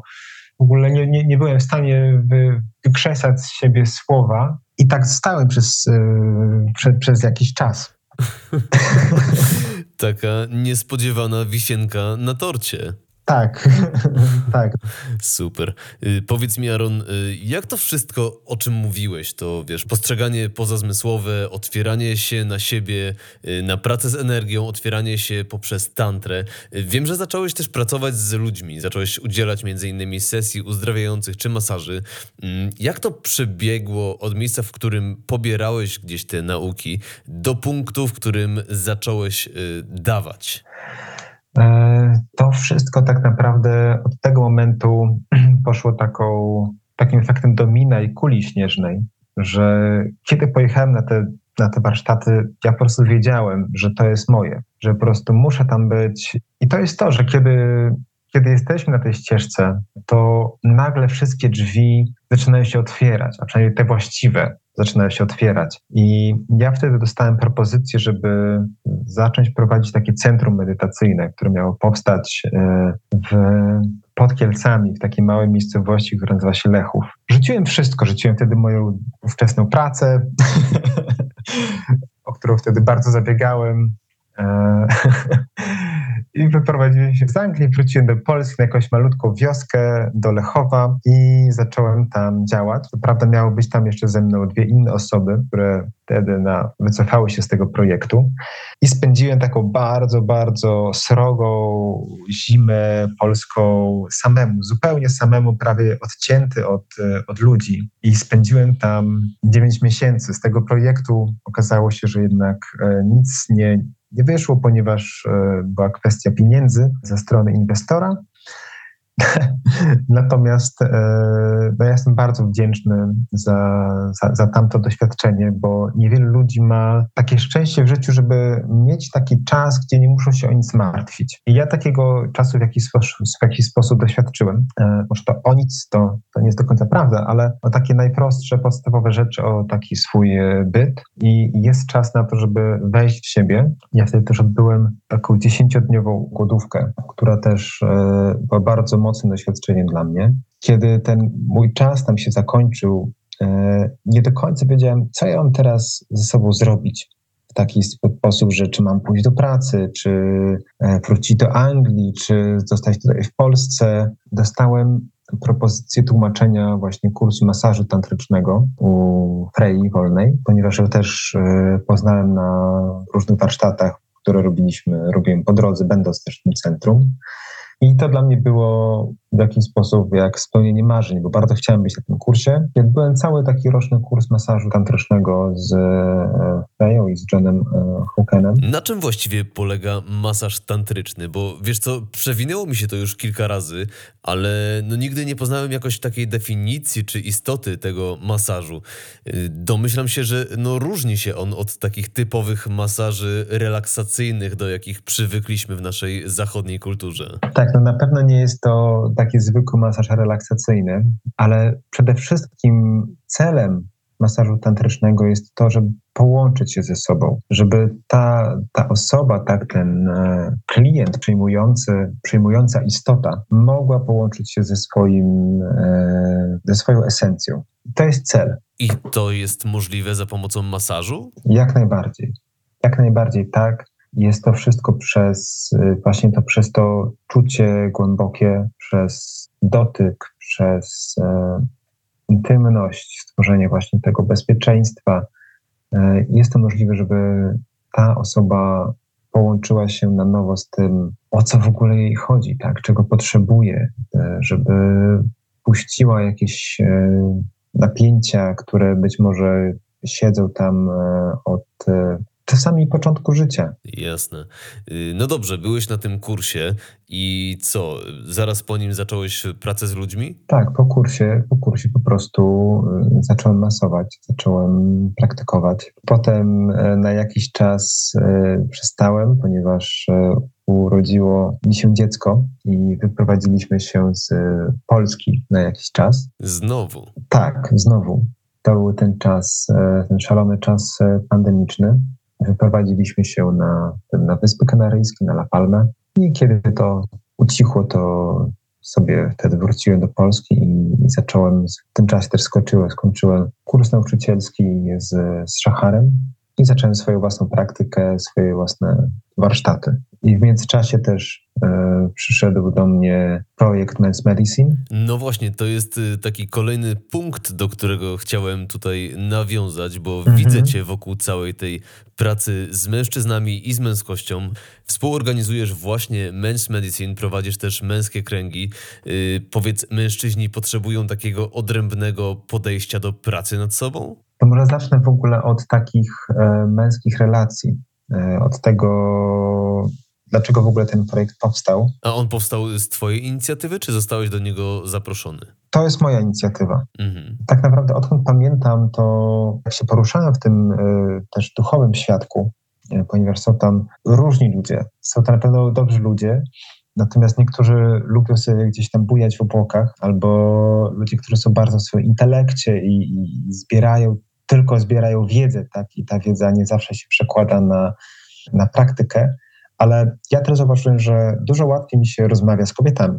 E, czy to rozmawiam o swoich uczuciach, emocjach, tak, o tym, co, co gdzieś tam jest. E, zawsze ten kontakt z kobietami był dla mnie łatwiejszy i dużo bardziej naturalny. Natomiast jeśli chodzi o męskich przyjaciół, e, miałem ich paru tylko. I, I zaczęło mnie to zastanawiać, tak na przykład, dlaczego tutaj kobiety się spotkają, jest mnóstwo kręgów dla kobiet, a dlaczego te kręgi, tych kręgów męskich jest tak niewiele. Tak, ja też y, obserwuję podobną sytuację. Jakby żeńskich kręgów jest naprawdę bardzo dużo w porównaniu tak. do ilości organizowanych męskich kręgów. Zacząłem od takiej inicjatywy, właśnie od inicjowania takiego kręgu w takiej mojej wąskiej grupie znajomych. To był taki zamknięty krąg, w którym się spotykaliśmy. I co ciekawe, on też y, się po jakimś czasie wypalił. I robiłem to też z moim y, dobrym tutaj znajomym, innym też terapeutą, Konradem Kuśnierzewskim. Myślę, że mogę powiedzieć jego, jego imię, że się tego nie wstydzi. Cześć Konrad, pozdrawiam cię. Pozdrawiamy e, Konrada. Tak i próbowaliśmy to inicjować, natomiast te, te kręgi, one w jakiś sposób umierały śmiercią, śmiercią naturalną. Ta, ta chęć e, spotykania się z jakiegoś powodu malała, pomimo że za każdym razem, i to jest dla mnie niesamowite i magiczne i niezrozumiałe zarazem, że za każdym razem, kiedy się spotkaliśmy, nawet było to po, po miesiącu, po dwóch, po czasami więcej, kończyliśmy z takim zachwytem: Wow, jakie to było dobre! Wow, dlaczego my tego częściej nie robimy? A potem znowu się to gdzieś rozpływało i nie mogliśmy się spotkać, i każdy miał coś, coś komuś skakiwało. Natomiast ja wiem, że to nie jest o wyskakiwaniu, ponieważ jeśli ja ustalam sobie, że idę do pracy, idę na ósmą, to idę na ósmą, nie? To raczej ci nic nie wyskakuje. Nic mi nie wyskakuje po drodze. Jakoś, jakoś e, jestem w stanie i byłem w stanie to zrobić e, przez wiele lat mojego życia. Więc zawsze jest to kwestia priorytetów. I to, to w sumie było takim powodem, e, to też to, to pytanie, ta ciekawość, a co jest w tych męskich relacjach? Może mi czegoś brakuje, o czym ja w ogóle nie wiem, że mi brakuje, bo wiem, że są takie rzeczy, o których nawet nie mam pojęcia, że nie wiem. I właśnie w ten sposób przyszło do mnie Men's Medicine z takiej, z takiej potrzeby zobaczenia, co jest w tym, e, co kryje ze sobą ta męskość, tak? Co widzę kobiety, które, kiedy na nie patrzę, widzę, wow, ale ona ma piękną kobiecą energię, tak? To po prostu ta, ta kobiecość od niej bije, emanuje. Nie znałem takich mężczyzn, gdzie widzę tego mężczyznę i widzę, wow, co za facet, co za po prostu fantastyczny mężczyzna. No chciałbym być tak jak on. Chciałbym po prostu, widzę to, chciałbym go po prostu wchłonąć, e, jego męskość, każdą komórkę nauczyć się tego od niego, tak? I I, I chyba to wyszło właśnie z takiego też poszukiwania tego, tych, tych męskich wzorców, tej, tej zdrowej męskości, z którą e, ja mogę się utożsamiać, ale myślę, że jest to też w wielu mężczyznach żywe, że, że, że tak jak rozmawiam z różnymi mężczyznami, nie mamy tego wzorca, nie mamy tego, tego, tego czegoś, co, do, do, co gdzieś tam w nas jest y, głębokie i ja czuję, że czegoś mi brakuje.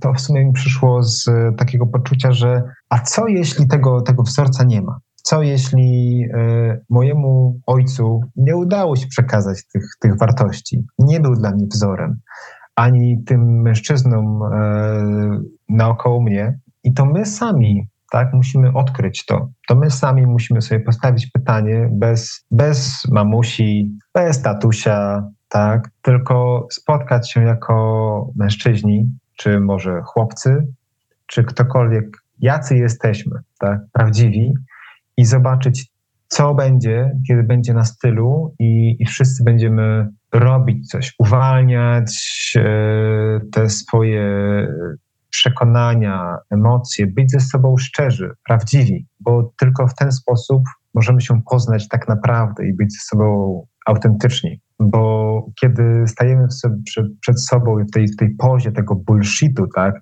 ja jestem od ciebie lepszy, bo mam taki fajny samochód, nie, albo więcej zarabiam, albo nie wiem, mam dłuższego, tak, albo mam większego bica, to zakładamy jakieś maski. I tutaj nie ma szansy w ogóle na, na porozumienie, na, na, na bycie ze sobą. I, I dopiero z tego punktu, kiedy to też dla mnie było niesamowite, ponieważ właśnie na pierwszym Men's Medicine ja też nie wiedziałem, co się wydarzy. Nie miałem, nie, nie miałem pojęcia, kiedy weszło. Wiesz to... co, bo tak rozmawiamy o tym Men's Medicine, a jeszcze nie padło, e, nie padła ważna informacja dla naszych słuchaczy, że Men's Medicine to jest festiwal dla mężczyzn. Tak, jest to festiwal dla mężczyzn, y, świadomej męskości, męskiej świadomości. I właśnie kiedy spotkaliśmy się po raz pierwszy i byłem przed tą setką mężczyzn, prawie setką, to był moment bardzo ekscytujący i bardzo przerażający. Co ja tym mężczyznom powiem? Kim ja w ogóle jestem, żeby cokolwiek im mówić, tak? Bo, bo, bo też nie jestem żadnym guru, nie czuję się e, człowiekiem tryskającym testosteronem, jeśli tak możemy tą męskość w ogóle określać, ale oczywiście żartuję, bo to nie o tym. Ale właśnie spotkanie się w tym wspólnym poszukiwaniu, wspólnym odkrywaniu, jak po prostu jak równy z równym, bo nikt tutaj nie jest, e, nie jest lepszy. I od prawie setki zupełnie nieznajomych sobie mężczyzn na koniec jest, byliśmy w stanie wszyscy być sobie blisko, czy przytulić się, czy wyrażać emocje, coś, czego większość mężczyzn nie robi, nie ma do tego dostępu, nie, w ogóle nie, nie, nie wyobraża sobie, e, sobie tego. Czy... A już na pewno nie w towarzystwie innych mężczyzn. Nie, jest to tak niebezpieczne, jest to tak, e, jest to tak olbrzymie wyzwanie dla naszej psychiki, dla, naszej, dla, dla, dla tej części nas, która uważa, że, że to jest niemęskie, albo wręcz, że jest to, ty użyję słowa gejowskie, tak, bo, bo jest to nieakceptowane, jest to miękkie, jest to no, jakieś, jest to, jest to, jest to jakiś olbrzymi, olbrzymi strach, który mamy w sobie wgrany. I właśnie, i w, czy w tamtym momencie, kiedy stałeś przed tą setką mężczyzn, y, czy znalazłeś to, czego tak szukałeś? Tego, wiesz, poczucia męskości, której no, pragnąłeś w drugim człowieku, y, czy znalazłeś ją wówczas w sobie? tak, tak. E... Biła od ciebie męskość? A wiesz, że tak. Super. Śmiałem się, ponieważ e, właśnie po Men's Medicine przez pierwszy chyba tydzień, czy chociażby jak po samym zakończeniu, jak wyszliśmy wtedy z moim, z moim przyjacielem Marcelem, poszliśmy celebrować ten olbrzymi sukces i, i to, co w ogóle się wydarzyło. Poszliśmy sobie na pizzę, e, duchową pizzę. Bardzo duchowa. Zwycięstwa. Oczywiście, należy się nagradzać. I pamiętam, można być tak trywialnie, tak, ale, e, ale pamiętam właśnie wzrok kobiet, czy nawet e, pani kelnerki, jak przechodziliśmy obok, ja sam czułem, że ja się inaczej poruszam. Moje ciało się inaczej układa, tak? E, inaczej patrzę, inaczej, inaczej jestem. Po prostu coś, jakaś energia ze mnie wychodzi. I ja nie wiedziałem, tak? Oczywiście to nie, nie chciałem tego nazywać w tym czasie, była to tylko obserwacja i nie chcę tego nazywać męską energią, czy tak, bo po prostu była to, była to moja, moja energia, która nasyciła się również tą męską obecnością i, i, myślę, że stało się to, czy że mogło być to podobne dla każdego uczestnika. Zresztą dostawaliśmy bardzo wiele zwrotnych informacji, że po tym festiwalu coś niesamowitego zadziało się w moim życiu właśnie z, z mężczyznami, tak? Czy ktoś porozmawiał w końcu ze swoim ojcem, tak, od serca, po, po, po latach, tak? Różne różne niesamowite rzeczy się działy. Mm, super. Y, w tym roku Men's Medicine już się odbył, prawda? Tak. Która to była edycja? To była druga edycja. Druga edycja. I co, poszliście głębiej, było więcej mężczyzn? Jak to się rozwinęło na przestrzeni tego kolejnego roku? Taką ideą, która nam przyświecała przy organizacji, było właśnie to, żeby pójść głębiej. Więc robiliśmy dużo dłuższe warsztaty. Chcieliśmy naprawdę zanurkować w tym roku, zobaczyć, co, co tam nas czeka. My, było nas odrobinę więcej. Natomiast y, dla mnie interesującą rzeczą jest to, że było tylko parę, parę osób, może 20% to były osoby z poprzedniej edycji.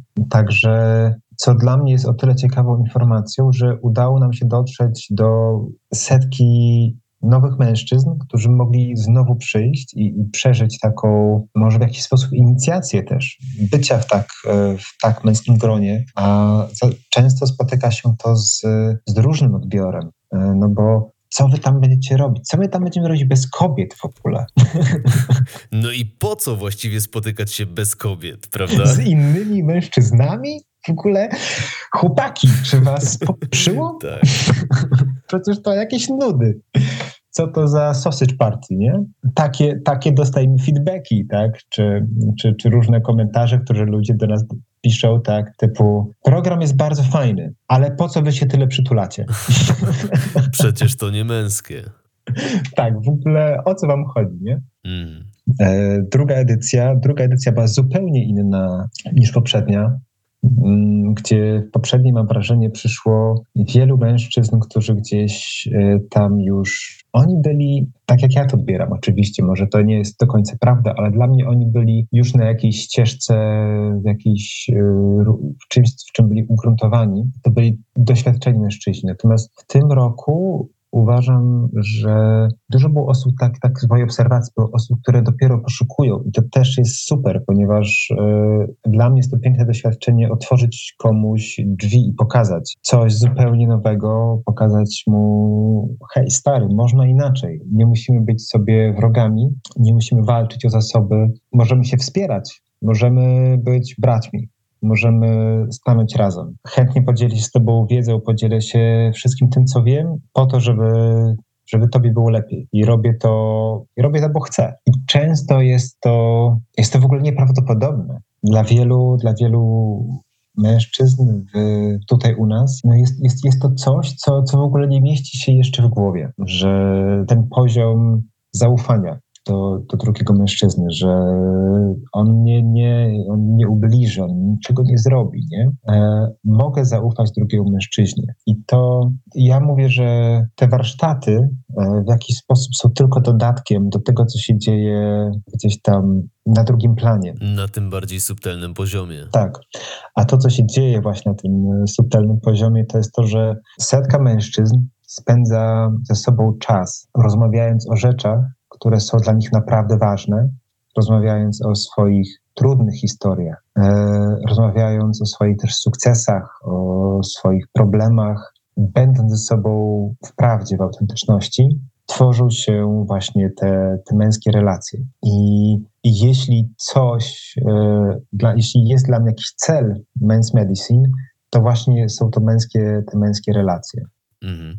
Y, to jest, wiesz co, bardzo, bardzo cenne z mojej perspektywy. Ja miałem kilka tygodni temu rozmowę z Tymoteuszem Niemcem, którego też znasz, i rozmawialiśmy wówczas o kryzysie męskości w dzisiejszych czasach, w naszej kulturze, o tym, jak trudno jest nam, mężczyznom, o prawdziwą, głęboką relację z innym mężczyzną, że łatwiej jest nam otworzyć się, może nawet emocjonalnie, przed kobietą, rozmawiać na głębsze tematy z kobietami, a ponieważ żyjemy właśnie w takich czasach, w takim kręgu kulturowym, że no może nie każdy z nas ma zdrowe relacje z ojcem, y, nie każdy z nas ma też odwagę taką relację zbudować, to nie wiemy też, jak do tego tematu w ogóle podejść i te nasze kontakty z innymi mężczyznami są z reguły dość powierzchowne, wiesz, wyskoczymy sobie na piwo, pogadamy o meczu, ale o tym, co dzieje się w nas, w środku, e, no już raczej nie rozmawiamy. Także z tej perspektywy, to, że powołałeś do życia taką akcję, taki festiwal męskiej świadomości, e, no to jest dla mnie coś niesamowitego. Mhm. Tak, tak. I jeszcze raz tak. Super. Y, ale na Men's Medicine się nie kończy, jeśli chodzi o Twoją przygodę z festiwalami rozwojowymi, no bo już w czerwcu tego roku y, szykuje Ci się kolejne wydarzenie, jakim jest Unity Waves Festival. Y, odwiedziłem stronę internetową Unity Waves i zaskoczyła mnie, wiesz to przede wszystkim forma, w jakiej ten festiwal będzie przeprowadzony, a mianowicie podział na przestrzeń kobiet i przestrzeń mężczyzn.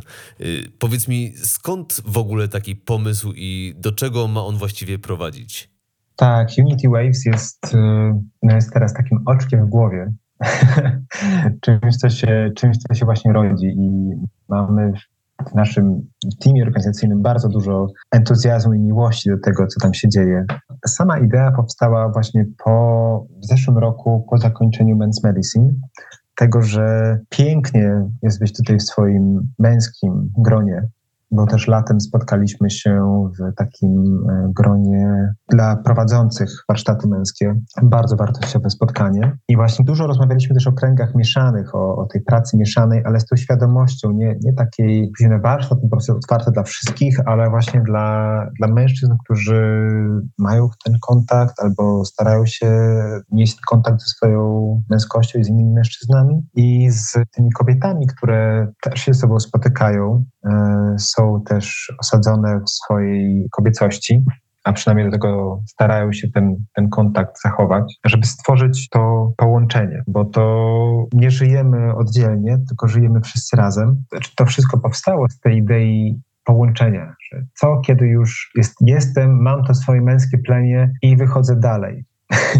I wychodzę na zewnątrz. Stąd też się zrodził pomysł na to rozdzielenie podczas Unity Waves to rozdzielenie jest czymś, e, uważam, czymś wspaniałym, e, bo... Wytłumacz jeszcze słuchaczom, na czym to rozdzielenie będzie polegało. Okej. Okay. To pierwszego dnia, kiedy zaczynamy festiwal, zaczynamy, to jest w ogóle Noc Świętojańska. Będziemy cieszyć się, celebrować, tańczyć, koncertować i pewnie też puszczać wianki nasze słowiańskie. Tradycyjnie. Tradycyjnie, tak. Tak, nie, nie, chyba sobie tego nie odpuścimy. I potem, po takiej celebracji, na dwa dni się rozdzielamy i mężczyźni idą na swoją stronę, kobiety idą na swoją stronę. Oczywiście nie jest to, ja bardzo nie lubię dogmatu, więc to nie jest tak, że będzie jakaś e, tam policja festiwalowa, która będzie kogoś ścigać, tak? Oczywiście każdy jest wolnym człowiekiem i, i, i może robić sobie co chce e, w tej kwestii. Będzie też obszar, który będzie połączony, tak? Bo będą też rodziny z dziećmi, mamy też animatorów, dzieci są na tym festiwalu mile widziane, bo to też dla nas takie oczywiste, że z połączenia kobiety i mężczyzny tworzą się dzieci. Nie chcemy zamiatać tego pod dywan, więc e, zapraszamy też rodziców i wiemy, jak, jak to jest ważne, szczególnie dla rodziców, żeby właśnie znaleźć dla siebie ten moment oddzielenia. I cały czas jesteśmy tam w pełni, tak? A kiedy jesteśmy w relacji i, i dużo się w niej dzieje, spędzamy dużo czasu razem, chcemy to wszystko też razem przerabiać, to te, te momenty rozdzielenia, nawet kiedy czasami są trudne, one przynajmniej mi dają taki ogląd na sytuację. Dają mi też ten moment, żeby się zatrzymać, e, właśnie wyjść z tej kobiecej energii relacji, tak, czy właśnie tej kobiecej energii mojej partnerki i stanąć z, z braćmi, ta męska energia zupełnie inaczej mnie kalibruje. Więc to rozdzielenie właśnie ma na celu połączenie się tej swojej męskiej, tak, dla mężczyzn i kobiecej dla kobiet polaryzacji, czy energii, tak, bo ta energia, ta energia jest jedna, nie ma, to też jest taka, tak, taka, hmm, może mi pomożesz, misconception? Mm, błędna koncepcja? Okej, okay. taka błędna koncepcja właśnie tego, że tutaj mamy męską energię i kobiecą i one mają oczywiście swoje jakości i ten taniec między nimi istnieje, ale to wszystko jest zawsze jedna energia, która wychodzi z jednego i wraca do, do jednego. I to jest właśnie o tej unii, którą chcemy stworzyć i o stworzeniu i dla kobiet, i dla mężczyzn oddzielnej podróży, stworzenia też tego poczucia tej, tej swojej energii i dopiero z tego punktu, kiedy ja jestem, tak, I, i ja też wiem, że to lekarstwo, które niesie ze sobą krąg, forma kręgu, to jest to, że ja wracam do siebie, ja jestem, tak? I to, kiedy nie ma tam kobiet, to jest to, że mogę być totalnie czasami rozwalony w jakiejś swojej gonitwie myśli, obowiązków, pracy, dzieci, czegoś, ale po 15 minutach pół godziny takiego kręgu, siedzenia z facetami, z mężczyznami, czy czasami nawet jest taki moment pstryk i nagle wszystko się spowalnia. Wszystko jest nagle proste. Nie ma tam historii, wszystko jest jasne, klarowne. I to jest coś niesamowitego. To jest to, za co kocham właśnie te, te męskie kręgi, to jest to, to, co, to, co one mi dają. I taką jakość, czy, czy może właśnie tym chciałbym też się podzielić z innymi mężczyznami, żeby mogli wejść w to i dopiero z tego punktu wyjść do tej swojej kobiety, tak, e, do partnerki, czy nie poszukiwać relacji z tego miejsca braku, tak, że mi czegoś brakuje i, i potrzebuję czymś zapełnić dziurę, tak? Bo, bo wtedy to ta relacja, nie chcę powiedzieć, że ona nie będzie szczęśliwa, tak? Tylko ta relacja po prostu będzie już u samych podstaw wymagała opieki, tak, zaopiekowania się tymi częściami i we mnie, i w tej drugiej osobie, bo skoro we mnie to jest, to w drugiej osobie musi być dopełnienie tego wzorca wypełniania tej dziury, tak, czy ratowania kogoś. I wtedy wchodzimy w rolę dziecka, albo rodzica zamiast bycia partnerem. Dokładnie. I dopiero właśnie z tego punktu zobaczyć, poczuć, yy, móc, móc, móc wybrać, tak? czy to jest na pewno to, czego ja chcę. I dopiero z tego miejsca właśnie spotkać się z kobietami i poczuć tą kobiecą energię, jak ona na mnie wpływa, co ona mi robi, jak na mnie działa. I nie mówię tutaj o o jakichś praktykach seksualnych czy łączeniu się, ale chociażby właśnie z tego, z tego miejsca ja jako mężczyzna wychodzę z mojego bezpiecznego plemienia mężczyzn, wchodzę, mam kontakt z nowym plemieniem, z plemieniem kobiet. Równie pięknym, równie wspaniałym, co mi to robi? Czy to budzi moje pożądanie, tak? Czy to budzi moją energię seksualną, czy budzi moją miłość, tak? I, i takie pytania sobie, sobie tam zadawać, tak? Co, czy ona może mi tylko pokazuje moją własną wrażliwość? Może kobieta mnie tylko kieruje do mojego własnego serca i do mojej własnej wrażliwości, żebym to ja otworzył się na siebie i na swoje emocje w środku, tak? Nie muszę traktować jej jako swojej matki, tak? I, i zrzucać na nią wszystkie moje emocje, opowiadać wszystkie historie, historię swojego życia, mogę po prostu wziąć ją za rękę i możemy iść razem. A te wszystkie historie, które jej opowiadam, może to ja sam je potrzebuję usłyszeć, tylko potrzebuję znaleźć ten klucz do drzwi swojego serca i je otworzyć przed samym sobą. Pięknie powiedziane. Aaron, y, rozumiem, że część męską festiwalu Unity Waves będziesz współprowadził ty, natomiast y, no chyba nie ty będziesz działał po tej stronie kobiecej i masz tutaj jakąś pomoc w postaci płci pięknej. Tak, to prawda i, i tą kobietą, która, z którą współtworzymy Unity Waves jest Melania Barczyńska, wspaniała kobieta, wspaniała dla mnie też e, przyjaźń i, i radość współtworzenia tego wszystkiego. I Melania z kolei jest organizatorką i inicjatorką festiwalu Shakti Dance. Celebration, festiwalu dla kobiet. I całą ideą było właśnie to, żeby to połączyć. Chcemy, tak jak przy Men's Medicine, zobaczyć, tak? Zobaczyć, co się wydarzy, co się zadzieje, bo nie chcielibyśmy się stawiać w takim miejscu, że my już wiemy, co się wydarzy, bo to już zakłada jakieś bycie guru, tak? Patrzenie na to wszystko też z góry. Nie wiecie, co się wydarzy, ale chyba jest tam jakiś program. Oczywiście, że jest program. tak, ale stawiamy, stawiamy pytanie, tak, co wychodzi z połączenia właśnie tych świadomych mężczyzn i świadomych kobiet dlatego ten, ten festiwal jest przede wszystkim o relacjach, o relacjach damsko-męskich, o tym, jak tworzyć je świadomie, czy o propozycjach tego, jak tworzyć je świadomie, jak stanąć w swojej męskości, jak stanąć w swojej kobiecości, jak e, pracować ze swoimi emocjami, jak tworzyć zdrową komunikację w związku.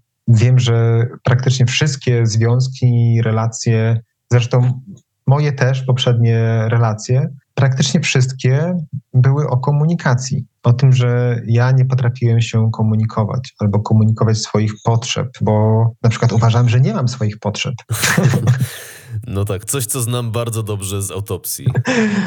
U mężczyzn często jest taki wzorzec, jest to taki typ psychoterapeutyczny ciała, tak, który ma swoje potrzeby w negacji. Po prostu potrzeby nie istnieją i nie mogą istnieć, są zanegowane, bo potrzeby, jeśli ja czegoś potrzebuję, to stawiam się w miejscu wrażliwości i braku sprawczości. I nie mogę pokazać tego swojego miękkiego podbrzusza, bo zostanę osądzony, stanę się bezbronny a nie mogę być bezbronny. Nie tak? mogę, bo muszę być silny, bo muszę być mężczyzną. Dokładnie.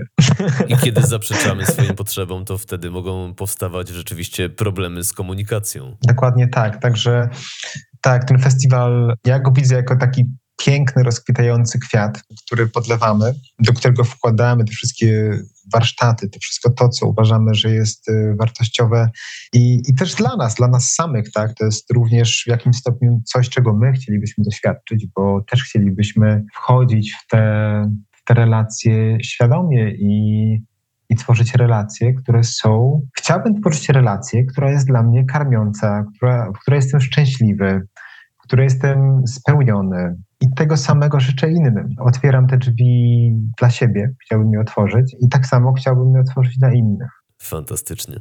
Y, wiesz co, to mi bardzo przypomina moją perspektywę prowadzenia podcastu, bo te wszystkie rozmowy, które tutaj przeprowadzam w Ukłonie Natury, y, z tymi wszystkimi ludźmi z różnych ścieżek życia, wiesz, z różnych nurtów i obszarów wiedzy, y, one są dla mnie okazją do porozmawiania z ekspertami w swojej dziedzinie, zapytania ich o wszystko, co mnie w danym temacie po prostu ciekawi, a naprawdę ogromnym błogosławieństwem tego wszystkiego jest to, że mogę dalej dzielić się tym z ludźmi, bo rozmowa jest nagrywana. Mhm. E, no i tak samo u Was, Unity Waves czy Men's Medicine, e, robisz to dla siebie i jednocześnie robiąc to dla innych, co jest naprawdę bardzo, bardzo cenne. Mhm. W ogóle mam wrażenie, że w ostatnich latach w Polsce obserwuję pewien wysyp festiwali rozwojowych, co pokazuje mi, że ludzie no, ciągną w takie miejsca, gdzie mogą się spotykać z innymi, gdzie mogą też spotkać się sami ze sobą, zdobyć wiedzę za pomocą różnych warsztatów, które ich wzbogacają. E, no i wiesz, aż, aż serce mi rośnie, kiedy patrzę, że w naszej kochanej Polsce e, odbywa się taki ruch. E, no i, i super, stary, że postanowiłeś też być jego częścią. Nie ma komentarza. Nie masz komentarza. tak, tak, tak. Super. W takim razie przejdźmy do ostatniego pytania, które zadaję wszystkim moim gościom. Mhm. A mianowicie ukłon natury to przede wszystkim wiedza na temat zdrowszego i pełniejszego życia, dlatego chciałbym, abyś biorąc pod uwagę całą swoją perspektywę i doświadczenie, przekazał naszym słuchaczom trzy praktyczne wskazówki, dzięki którym ty sam żyjesz lepiej, zdrowiej i pełniej. Trzy praktyczne wskazówki. E, nie wiem, czy aż tyle przekażę.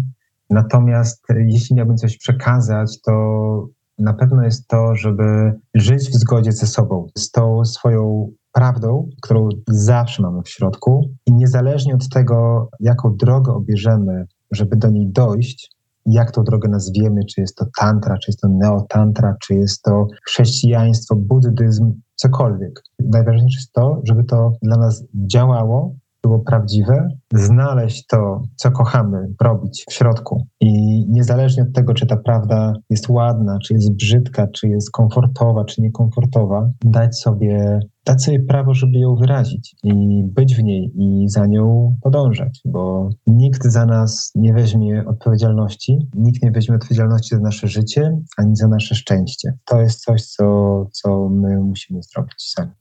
Fantastycznie. Y, bardzo cenny przekaz. Y, nie wiem, ile jest w tym praktyczności, o którą Cię prosiłem, ale, ale na pewno jest to cenny kierunek, jaki możemy obrać. Mogę to rozwinąć, tak? Do, do, do, do prawdy potrzebujemy przejść przez nasze emocje, więc każda praktyka pracy z emocjami, uwalniania emocji, czy będzie to przez masaż, czy będzie to przez pracę z ciałem, czy przez y, po prostu takie surowe wyrażanie tych emocji, będzie to czasami jest to krzyk, czasami jest to płacz, puszczenie sobie jakiejś muzyki, pobycie ze sobą, tak? Ale właśnie ten przez ten kontakt ze sobą, za e, może może taką praktyką jest po prostu zaalokowanie czasami takiego czasu dla siebie, nawet tej godziny raz na jakiś czas, bo ja wiem po sobie, kiedy sam jestem y, tatą i ten czas y, z dzieckiem w ciągu dnia dla siebie po prostu się kurczy i nie wiadomo kiedy on, on ucieka, ale właśnie zaalokowanie takiego czasu pobycia samemu ze sobą, skontaktowania się z tym, co jest y, prawdziwe i dopiero wyjście, wyjście dalej. Z takich innych rzeczy, które mi przychodzą jeszcze dla stricte dla mężczyzn, ciekawą praktyką i to jest też coś, co ja zacząłem stosować jakiś czas temu, żeby w ogóle przemóc się, to jest to, żeby raz w tygodniu, nie, nie trzeba więcej, ale raz w tygodniu zadzwonić do jakiegoś bliskiego mi faceta, mężczyzny, którego lubię i powiedzieć stary, dzwonię do ciebie, ponieważ nie mam żadnego powodu, bo nie mam do ciebie żadnej sprawy, żadnego celu. Dzwonię po prostu, żeby pogadać. To jest, wiesz co, jedna z najbardziej nietypowych odpowiedzi, jakie tu dostałem. Natomiast jest w tym dużo prawdy, bo no nawet kiedy myślę o sobie, wiesz, chyba kiedykolwiek nie wykonywałbym telefonu do innego mężczyzny, no to raczej stoi za tym jakaś sprawa. Aha, dokładnie. Żeby wyjąć właśnie ten, ten cel z tego środka wszystkiego tak, i, i, zostawić tylko to, co jest, e, co jest naokoło. Po prostu sobie. Po prostu się połączyć. Tak. Mhm. Y, wielkie dzięki stary za tą odpowiedź. Y, na koniec wskaż proszę jeszcze naszym słuchaczom, w jaki sposób mogą oni znaleźć Cię w internecie, tudzież skontaktować się z Tobą w sprawie masażu, pracy energetycznej, sesji indywidualnych, y, no i gdzie szukać też więcej informacji na temat organizowanych przez Ciebie festiwali. Jasne. E, mnie można znaleźć bardzo łatwo na Facebooku, a Aaron przez 2A Nowoż i czy przez mój fanpage, czy przez prywatną moją, mój profil możecie się skontaktować. Jeśli chodzi o festiwal Unity Waves, to możecie go znaleźć na www.unitywaves przez V, festiwal przez v.com, do czego serdecznie Was zapraszam, zapraszamy w imieniu teamu i mam nadzieję, że tam się widzimy. Super. Y, wszystkie linki oczywiście zamieszczę w opisie odcinka, więc każdy, kto będzie zainteresowany, może sobie wygodnie kliknąć i od razu przejść do świata Arona czy do świata Unity Waves. A za tę dzisiejszą rozmowę bardzo Ci dziękuję. To była prawdziwa przyjemność. Wniosłeś tutaj naprawdę dużo wiedzy, dużo cennej perspektywy, która niewątpliwie pochodzi z głębokiego doświadczenia y, tego, o czym mówisz. No i wniosłeś też dużo, mam wrażenie, takiej skromności w tym wszystkim. Y, z tego, co widzę, jak Cię odbieram y, i co jest dla mnie naprawdę niezwykłe, to to, że tak, ty doświadczyłeś tego wszystkiego, ale jednocześnie nadal pozostajesz kompletnie otwarty na to, co przyjdzie, i wydaje mi się, że jest to taka cecha, którą posiada niewiele osób, a którą widzę u ciebie, e, i za to również ci bardzo dziękuję. Hmm, dziękuję. Czuję się pozytywnie, mile poruszony. Wow, dzięki za tę rozmowę. To też dla mnie było bardzo miłe i zobaczyć się z Tobą też po takim czasie, w takim miejscu. Dzięki, stary, naprawdę. Jeżeli ta rozmowa wniosła coś wartościowego w wasze życie, jeżeli uważacie, że informacje tu zawarte mogą przysłużyć się komuś jeszcze, zachęcam was do udostępniania tego odcinka, dzielenia się nim z bliskimi. Będzie to dla mnie naprawdę najlepsza forma podziękowania za tę pracę, a przy okazji przyczynicie się też do dalszego rozwoju ukłonu natury. Na dzisiaj ode mnie to już wszystko. Ja mam na imię Jim, moim gościem był dziś Aaron Nowosz. Słuchaliście programu Ukłon Natury, a po więcej informacji zapraszam na stronę internetową www.yango.pl. Dzięki stary. Wielkie dzięki.